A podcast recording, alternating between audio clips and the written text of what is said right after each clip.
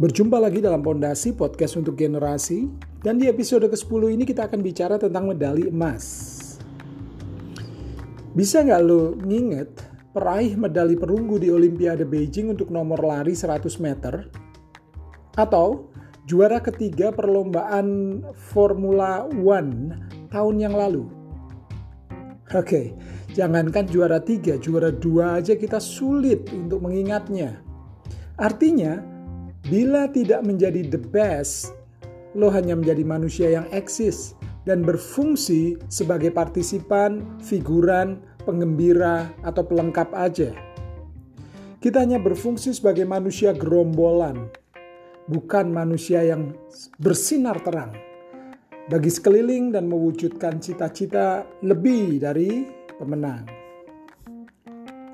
Lo tahu kan bahwa hanya orang yang bermental juara yang membuat perusahaan menjadi juara. Hanya kelompok yang haus kemenangan yang membuat organisasi bisa bersaing dengan organisasi lain dan bisa berkompetisi dengan ketat. Nah, apa yang harus kita pikirkan untuk menjadi yang terbaik ini? Yang pertama, Hal ini harus dimulai dari sebuah keinginan yang kuat atau passion yang timbul dari dalam diri masing-masing individu. I want to be the best.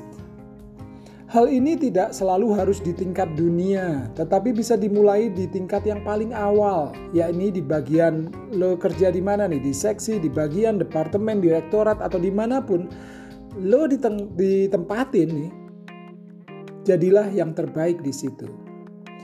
Di tingkat pribadi, bisa juga ini berarti menjadi yang terbaik sesuai dengan kehendak Tuhan dalam hidupku. Makanya cari kehendak Tuhan dalam hidup lo.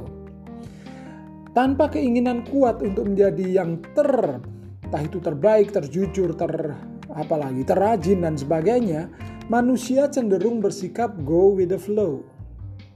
Begini aja udah cukup, gak usah ngoyo, alon-alon asal kelakon dan sebagainya biar lambat asal selamat dan ya banyaklah.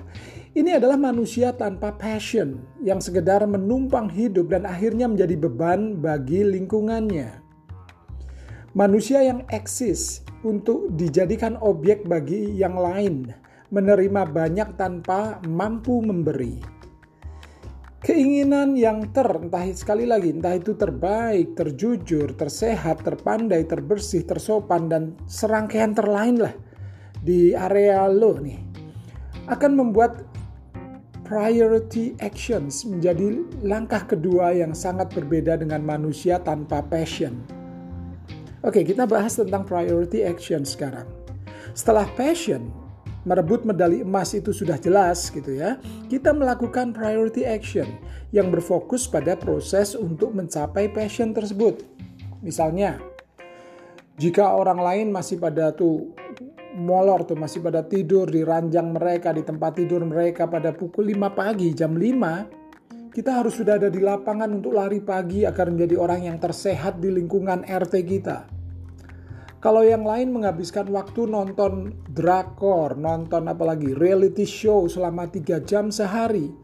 Orang yang mau menjadi yang terbaik di bidang marketing knowledge misalnya akan menghabiskan waktunya melahap seluruh pengetahuan di bidang marketing atau berguru di pada seorang marketing guru gitu ya.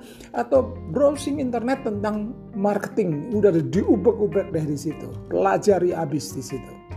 Kalau orang lain puas dengan bisa bahasa ibu aja, manusia ingin yang ingin berkiprah di dunia global akan mencari kursus bahasa Inggris kayak bersosialisasi eh, apa ya, berteman lah berteman dengan native speaker kayak atau sekali-kali pakai Ome TV lah ngobrol-ngobrol kalau mau uh, gratis gitu ya. Eh ngomong-ngomong gratis sebenarnya nggak ada loh makan siang gratis. Keinginan besar harus dibayar dengan proses yang mahal dan rumit medali emas hanya untuk satu pemenang. Hanya orang yang berlatih dan apa berlatih dengan keras lah ya yang pantas naik ke podium penghormatan itu dan mendapat medali emas. Ini harus dibayar harganya. Tidak ada yang murah untuk mencapai medali prestisius seperti itu.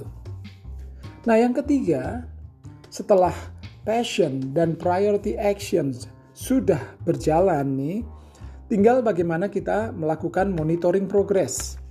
Ini adalah cek setiap periode waktu tertentu. Apakah kita sukses dengan menghalalkan segala cara?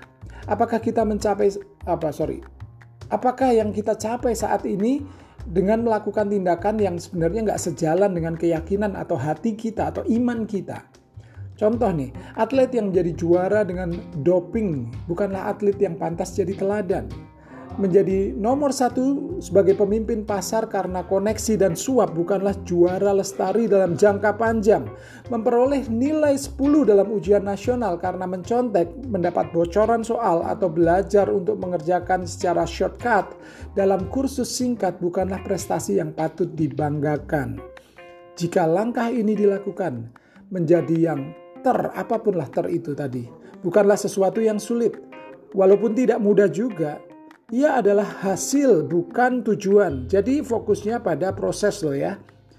Jika demikian, keinginan untuk menjadi lebih daripada sekedar pemenang atau keinginan untuk mendapatkan medali emas bukan halu, bro. Mau? Ciao.